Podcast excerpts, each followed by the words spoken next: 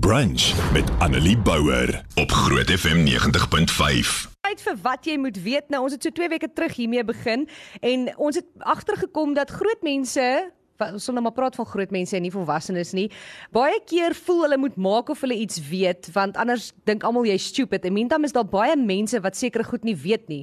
Want jy leer dit nooit nie en dit word net algemeen aanvaar dat almal dit weet. Hierdie week praat ons so 'n bietjie oor versekerings. Nou saam met my in die ateljee is Christian Skooman en ons gaan net um, omdat ons niks adverteer nie, sê dat hy oor die 10 jaar se ervaring in versekerings het. Uh, Goeiemôre Christian. Môre môre.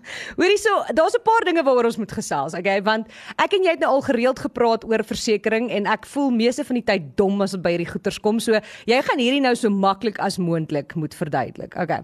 So ons almal weet dat uh, jy kry karversekering, jy kry lewensversekering, jy kry huisversekering, jy kry besigheidsversekering en al hierdie verskillende goeters en elke een van dit het nog 180 000 onderafdelings wanneer dit daarby kom. So ek dink kom ons begin by die maklikste. Kom ons begin by karversekering. Ek dink meeste mense het dit of oorweeg om dit dan te hê as jy 'n kar het. Okay. Mm. Ja. Daar's soveel verskillende versekeringsmaatskappye. Hoe kies 'n mens by wie moet jy nou gaan versekerings kry? Wel, dis 'n moeilike een om te sê. Ek dink dis dis maar soos inkopies doen as jy nou by Pick n Pay gaan staan en daar voor die rak staan. Jy kies maar die twee of drie produkte wat jy waarskynlik ken en dan gaan kyk jy ook maar prys. So daar's verskillende maniere. Ek dink die beginpunt is om man te verstaan wat jy wil hê, wat jy nodig het. So jy het 'n uh, as jy 'n kar het, gebruik dit vir persoonlike of vir professionele doeleindes, dan is dit jou beginpunt. En dan kom daar dan gaan jy nou maar daar's verskeie webwerwe waarop jy kan gaan toets en gaan kyk pryse gaan kry. En jy gaan waarskynlik so gaan kyk na jou top jou goedkoopste 3 en dan met wie jy ook al die gemaklikste is. Ek dink jy dink die belangrikste ding is daar maar net jy betaal vir wat jy kry. Dis maar wat versekerings is. So elkeen so, van hulle wat ek dink meeste van ons ek kan eerlik vir jou sê ek het gegaan met wie gee vir my die goedkoopste beste premie vir wat ek kry of so dis nie noodwendig die beste manier nie nee natuurlik en ek dink ek dink dit is 'n beginpunt. Dis ons almal dit doen. Dis ons groot gemaak is. So jy begin deur om te gaan kyk wat is die goedkoopste en dan moet mens nou net bietjie vergelyk met dit wat jy kry. So elke tipe versekeringsproduk is probeer homself uniek maak. So hulle sal een of ander added extra insit En ek bedoel dit hang maar net af of jy daai gaan gebruik of nie en of dit vir jou van waarde is of nie. Met ander woorde, die versekerings wat ek gaan wil hê en die versekerings wat jy gaan wil hê is eintlik twee verskillende goed, want my behoeftes is heel waarskynlik anders as joune. Ja, ek ek sal so hoop. Um, so so in in ek val vandag en vandag se tyd waar party mense werk van die huis af, party mense gebruik hulle karre nog ontsettend baie. Ehm um, die tipe produkte wat daar nou is is bietjie anders as wat dit was so 2 jaar terug want dit moet ander tipe risiko's bestuur. So dit is maar net belangrik uit om om te weet wat jy nodig het en en dan te probeer gaan kyk wat stem ooreen met dit. En ehm um, Ja, en en ek bedoel selfs al het jy het jy karversekering, jy sê nou meeste mense het dit. Dit is eintlik hartseer, maar eintlik ek dink net omtrent 30% van Suid-Afrikaners wat karre het, het actually karversekering. Oh, wow. Ja, so dit is eintlik nog 'n bietjie van 'n hartseer storie. Dit is nie soos in ander lande waar dit verpligtend is wanneer jy 'n kar koop nie. So dit maak dit bietjie moeilik. Maar ek dink die belangrikste ding is maar om te weet is is maar net om jou goede gereeld te hersien. So as jy het, great, awesome. Maar elke jaar probeer maar nog steeds hersien wat jy kry en en ehm um, of jy nog gelukkig is met dit wat jy het. Okay, so jy sê nou elke jaar, nou ek moet nou eerlik vir jou sê, as ek dit voel soos wanneer ek my my inkomstebelasting moet doen. As jy wil hê ek moet elke jaar my versekerings hersien, dan kry ek sommer koue rillings want dit voel soos verskriklik baie admin. Hoekom moet ek elke jaar my versekerings hersien? Okay, so dit is maar hoe Suid-Afrika en ons versekeringsindustrie werk. Dit is baie goed. Ons het ongelooflike sterk maatskappye en daar's baie verskillende opsies op die mark. Maar wat hulle doen natuurlik is is hulle sit in 'n kompetisie met mekaar in terme van pryse. So hoe 'n versekeringspremie aan mekaar gesit word is gewoonlik dit begin deur om te kyk wat is jy as 'n risiko. Hulle noem dit 'n risikopremie. So dit is vat nou dis hoekom hulle jou al daai tonne en tonne vra vra wanneer jy 'n polis uitvat. Waar bly jy? Waar is jou kar verseker? Vir watse doeleindes gebruik dit? Is hy pink, pers of geel? Ehm um, hoe oud is hy? en en, en alle is goed, jy? Hoe oud is jy? Ja, natuurlik.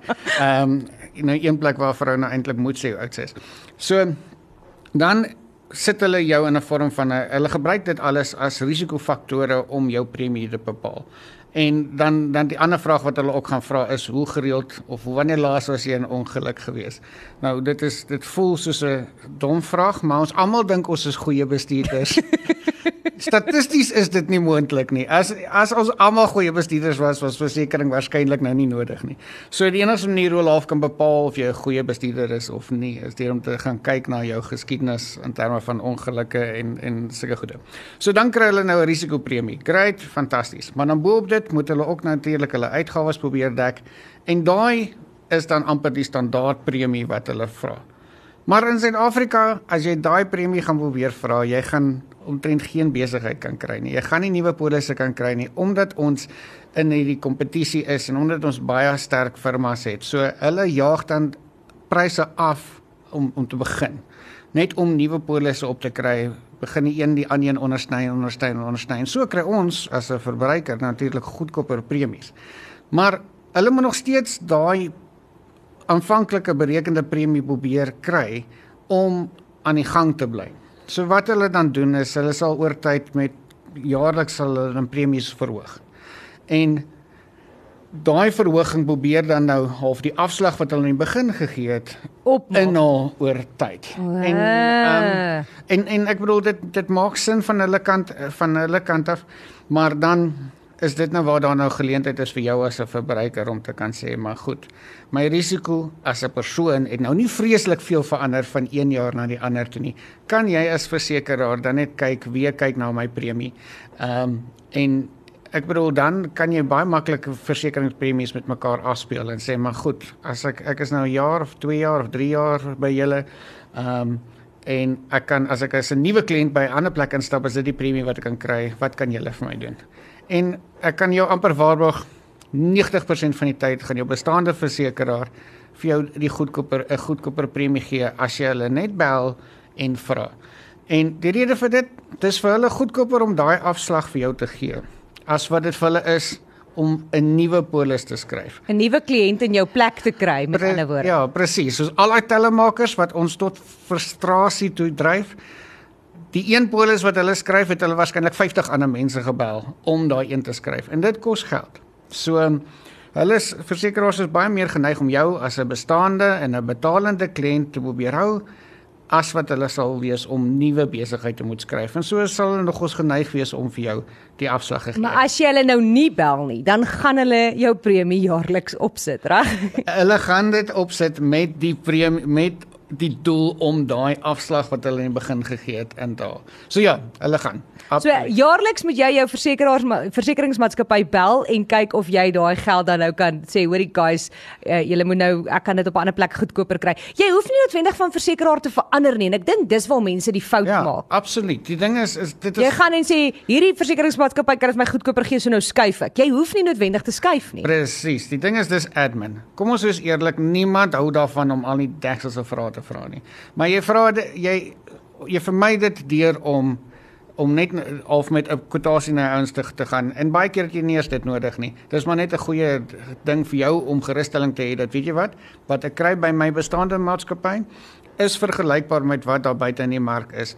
En en as hulle dit eh, daarmee wil stry, dan sê jy vir hulle jy het daai bewys jy het 'n uh, kwotasie vir Ja. dit. So so nee, gaan altyd eers na jou bestaande plek toe. Jy het hulle gekies vir 'n rede. Jy's gewoonlik gelukkig met hulle en en en En hulle wil jou nie verloor. en hulle wil jou nie verloor nie. Hulle is so bly dat jy op hulle naam is. As jy vra het, stuur vir my 061 610 4576. En daar is nie so iets soos dom vrae nie, want dit is hoekom ons hierdie insetsel het is om jou te help en ek sien net 'n paar boodskappe ingekom wat wil praat oor bybetalings. Hier's iemand wat sê, "Hoekom is bybetalings by party versekeringsmaatskappye so hoog?" En die ander persoon sê, "O, kan ons dalk die gas vra oor bybetalings op versekerings?" So ek dink eerstens, hoekom is daar so iets soos 'n bybetaling as ek reeds versekerings betaal? Goed, so bybetalings is 'n ek gaan nie sê produk nie, maar dit is 'n beginsel wat ingestel is deur die versekeringsfirma firmas om 'n vorm van hulle eise te bestuur. So mense het begin om versekerings ontsettend te misbruik. So elke klein dingetjie wat hulle gedoen het, het hulle begin ehm um, het hulle begin eis vir goed.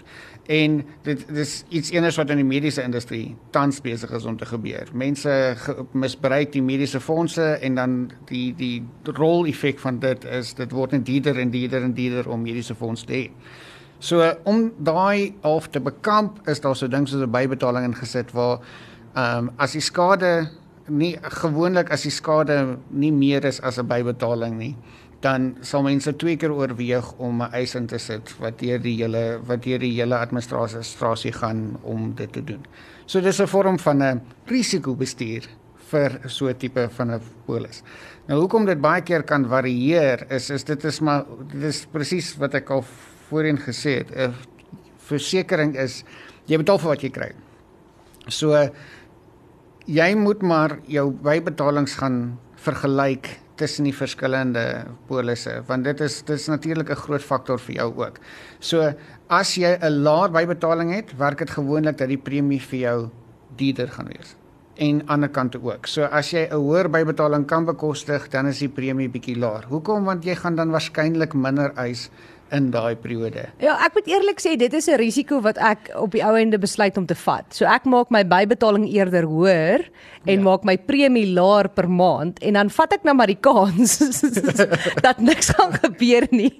Want ek ek kyk na my track record en ek dink dis iets waaroor 'n mens ook moet praat. Is byvoorbeeld ek het my lisensie vandat ek 18 jaar oud is. Ek word 35 en in al daardie tyd het ek versekerings en in al daardie tyd het ek nog net twee keer geëis. Een keer vir 'n ry waar 'n trok se klip my ry gevang het en ek die ry moes vervang en 'n tweede keer vir 'n ongeluk wat iemand anders veroorsaak het, maar hulle het nie derde party versekerings gehad nie en kon nie die skade betaal nie. Hmm. So, nou is my vraag, hoekom sal my premie hoër wees as 'n as 'n man sinne wat dalk in meer ongelukke was as ek? Okay, kom ons speel nou nie die die gender kwart hierso nie. Wees versigtig vir dit. Want hulle val in verskillende tipe risikofaktore. As vrouens maak julle gewoonlik nie soveel ongelukke nie of jy julle eis gewoonlik meer, maar ouens wanneer hulle eis is dit groter, aansienlik aansienlik. Jy sien. so, ehm um, wat jy doen met die bybetalings dis 'n baie dis 'n baie sinvolle ding om te doen as jy dit natuurlik kan bekostig en as jy ook bietjie daai selfdissipline het want omdat jy weet jy daar's 'n bybetaling is dit maar altyd goed om daai gedeelte daai R750 of R1000 of hoe ook al dit sê op sy te sit. As jy dit kan, great. Dit is fantasties. Ehm um, dis net nie altyd vir almal almal so eenvoudig om dit te kan doen nie. In terme van jou vraag oor die eise, so wat meeste versekerings doen is hulle noem dit 'n 'n vorm van 'n in Engels praat hulle van 'n no claims discount. So vir elke jaar wat jy dan nou nie eis nie, dan val jy gewoonlik in 'n beter risiko blokkie. So ons almal sê ons is goeie drywers, maar niemand kan dit regtig bewys nie. Jy bewys dit op 'n manier deur om nie te eis nie. Dit sê nie jy was nie ongeluk nie. Dit sê nie jy het nie een of ander Sê net jy wou nie die bybetaling betaal. Presies. ja. Dit sê maar net dat jy gaan jy jy gaan versigtig langs die kant sit indien dit moet wees. So jy skuif dan elke jaar baie hulle het verskillende modelle. Party mense gebruik 'n 3 3 jaar model, ander gebruik 'n 7 jaar model. Maar dan elke jaar wat jy dan nou nie eis nie, skuif jy nou 1 jaar langer langer op hierdie no claims discount af. So dan in die rent is jou verhogings wat jy kry, jou jaarlikse verhogings gewoonlik goedkoper. En dis ook een van die vrae as jy nou 'n nuwe polis aangaan wat hulle vir jou vra. Wanneer laas het jy geëis en hoe gereeld en hoeveel? Want wat dit dan doen is is dit bepaal op hulle model waar jy sou inpas in terme van 'n goeie drywer risiko of nou ja. nie. So as jy nou nie geëis het nie, ehm um, dan dan skuif en dan in die rent kry jy dan nou bietjie bietjie meer van 'n afslag met jou premies. Hallo my gunstelingstasie. Hoekom kan al die versekerings geen eisbonus hê nie? Dis net seker is. Laat laat weet my asseblief. Dankie, bye. Nou ja, so alle versekerings het maar verskillende maniere al hoe hulle probeer produk uniek uniekheid inbring. So party sal dinge soos 'n 'n 'n uitbetaling doen as jy nou nie eis nie. Ander sal dan nou tipies so iets doen soos 'n geen eise afslag wat hulle dan op hulle premies toepas. Dis maar net hulle elkeen se manier om dit te te hulle self uniek te maak. En dis ook 'n manier hoe hulle dan hulle om daai tipe besluite te neem gaan vergelyk hulle maar die koste teenoor die voordeel vir versekerings om dit te doen. Ironies genoeg dinge soos mense maatskappye wat dit wel in plek het en wat dinge soos 'n uh, 'n uitbetaling het as jy nou nie eis nie, hulle vind dat hulle kliënte is baie keer meer lojaal teenoor hulle. Want jy wil nie jy wil nie jou geen eise geskiedenis verloor as jy na 'n nuwe firma toe skuif Ja. of sulke goede nie of jy jy wag vir jou cash uitbetaling. Ehm um, so dan dan sal jy 'n bietjie langer Dan bly bly by jy maar eerder al gaan jou premie op. Presies. So en en maar onthou net, selfs al gaan die premie op, jy kan nog steeds gaan en gaan vra dat dit hersien word. Ehm um, dit beteken nie omdat jy jy word nie gestraf omdat jy lojaal is nie, maar jy moet nog steeds maar die vraag vra.